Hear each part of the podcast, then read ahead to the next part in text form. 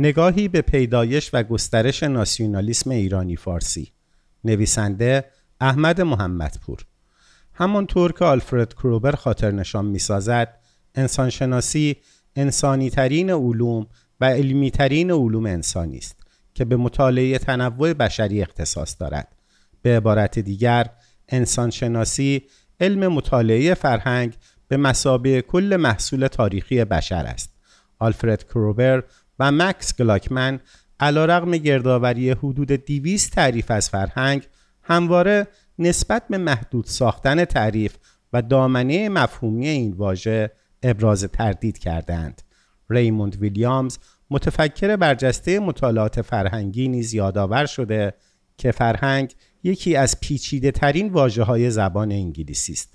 مردم شناسان فرهنگی در توافقی کلی فرهنگ را عبارت از هر آنچه انسان می سازد و می آموزد می دانند. در واقع فرهنگ برای انسان حکم آب برای ماهی را دارد. انسان نمی تواند فرهنگ ساز نباشد در آن زندگی نکند یا خارج از آن بیاندیشد در این معنای وسیع حتی اشیای طبیعی و بیجان نیز آنگاه که به گفته کلیفورد گیرتس در ساحت نمادین و حوزه آگاهی انسان تجلی مییابند و به آنها معانی الساق می شود به بخشی از فرهنگ تبدیل می شوند.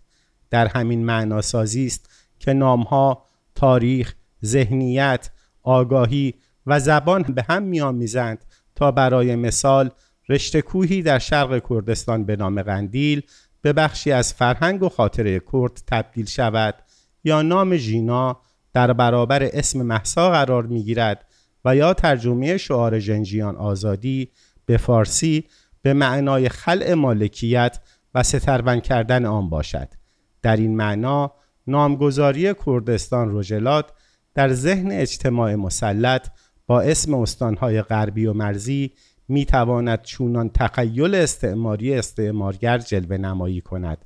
از همین منظر ریموند ویلیامز معتقد است جنگ بین دولت ها و ملت ها به نوعی جنگ و جدال بین فرهنگ ها بر سر معانی و نماد هاست انسان شناسان برخلاف جامعه شناسان که به نظم اجتماعی نظر دارند یا مورخان که تحولات تاریخی را رصد می کنند به شناخت انسان در کلیترین معنای آن علاقه مندند.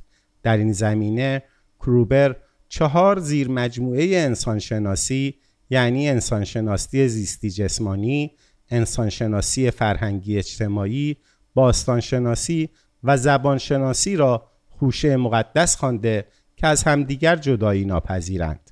اولین انسانشناسان از یک سو به پیروی از مدل مکانیکی پوزیتیویستی علوم طبیعی و از سوی دیگر با الهام از جریانهای مسلط روشنفکری دوره روشنگری به شدت از رهیافت تکاملگرایی متأثر بودند.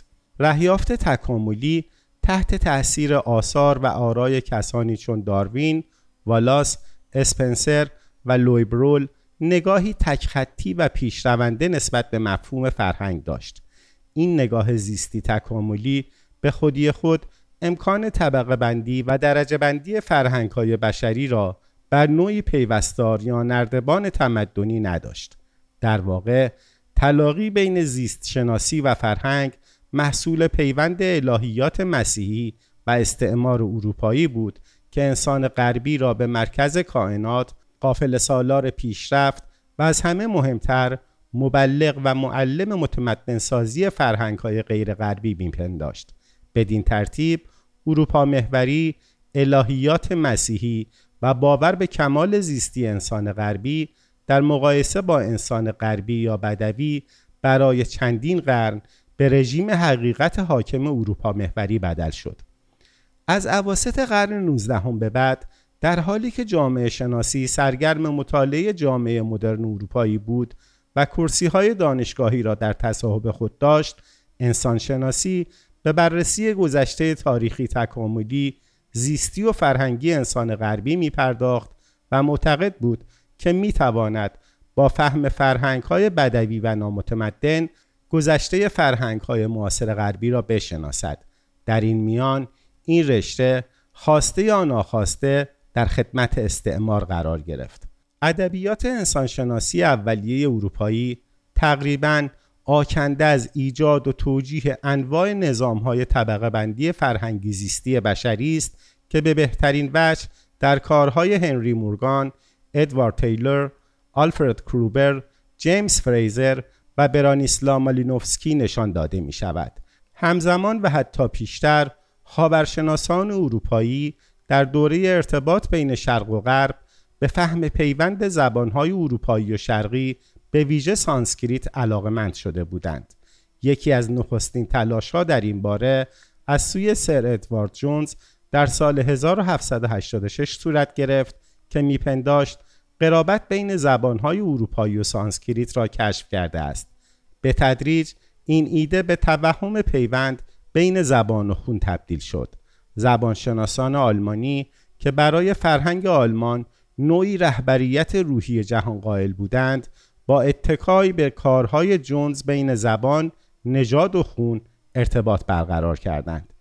فردریش شلگل نخستین کسی بود که کلمه آریا را ابدا کرده و بدین ترتیب زمینه را برای تکمل نظریه ایدالیسم آلمانی مبتنی بر اتصال ذاتی نژاد و خون فراهم کرد نظریه ای که در اوایل قرن بیستم در قالب نازیسم و برآمدن آلمان هیتلری به تجسم درآمد. انسانشناسان و دانشمندان اجتماعی قرون هجدهم تا اوایل قرن بیستم به طور کلی به پارادایم نظریه نژادی فرهنگ ها و امکان طبقه بندی تکاملی زیستی آنها معتقد بودند.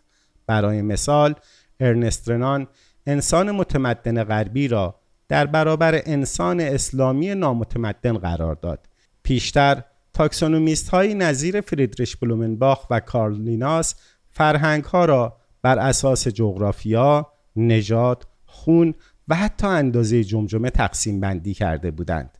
نظریه های نجات پرستانه فرهنگی در اوایل قرن بیستم با تولید متون نجات پرستانه فتلی آخوندزاده و میرزا آقاخان کرمانی وارد ایران دوره قاجار شدند. آثار این دو نویسنده حاوی نجات پرستانه ترین، تحقیرآمیزترین و وهمآورترین آرا در باب عربها، یهودیان، ترکها، مغلها و حتی سیاهپوستان و سرخپوستان آمریکاست. کرمانی نخستین کسی بود که به پیروی از شرقشناسان واژه آریا را برای برساخت هویت ملی تکین و واحد ایرانی به کار برد. با این حال عناصر متشکله ایرانیت نزد این دو نویسنده شوونیست تنها به زبان و فرهنگ فارسی تقلیل یافت. مورخان و ایران شناسانی چون مصطفی وزیری، افشین متین اسکری، علی رضا اسقرزاده و رضا زیا ابراهیمی به تفضیل به پیدایش و گسترش ناسیونالیسم ایرانی فارسی در فاصله سالهای 1906 تا 1925 پرداختند. ایران شهر مجله نامه فرنگستان به مدیریت مشفق کازمی و مجله آینده به مدیریت محمود افشار یزدی در فاصله دو دهه نوعی رژیم حقیقت را صورتبندی کردند که حول محور ایرانیت، میراثگرایی، باستانگرایی و از همه مهمتر زبان فارسی گرد می آمدند. برای مثال در حالی که مجله کاوه با تأکید بر استوره آریایی به غربی شدن مطلق باور داشت نویسندگان مجله ایران شهر ضمن نقد غرب از بازگشت به خیشتن تأکید بر مذهب تشیع به عنوان دین سازگار با روح ایرانی و زبان فارسی پای می فشردند. کازمزاده در تجلیات روح ایرانی می نویسد روح ایرانی مانند آینه صاف تمام خصایص نظرربا و فضایل مخصوص نژاد سربلند آریایی را در همه دوره های تاریخی خود هویدا و جلوگر ساخته است.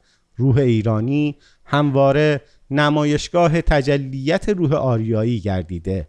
روح ایرانی بهترین نمونه روح آریایی است. به همین شیوه نامه فرنگستان با تاکید بر تجدد آمرانه مشت آهنین یک دولت به معنای واقعی کلمه فاشیستی اشاعی زبان و فرهنگ فارسی را زیربنای ملیت می انگاشت. مجله آینده نیز به عنوان دستورالعمل یکسانسازی فرهنگی و حذف فرهنگ های غیر فارس به کمتر از نابودی فرهنگ های ساکن جغرافیای ایران بسنده نمی کرد. ایرج افشار در این باره می نویسد اگر آذربایجانی ها بتوانند به زبان ترکی روزنامه بخوانند و شعر ترکی بنویسند دیگر چه احتیاجی به زبان فارسی دارند؟ باید کاری کنیم. آذربایجان رفته رفته کلمات فارسی را جایگزین کلمات ترکی کند به طوری که صدی هفتاد کلماتش فارسی باشد. به تعریف فرهنگ بازگردیم.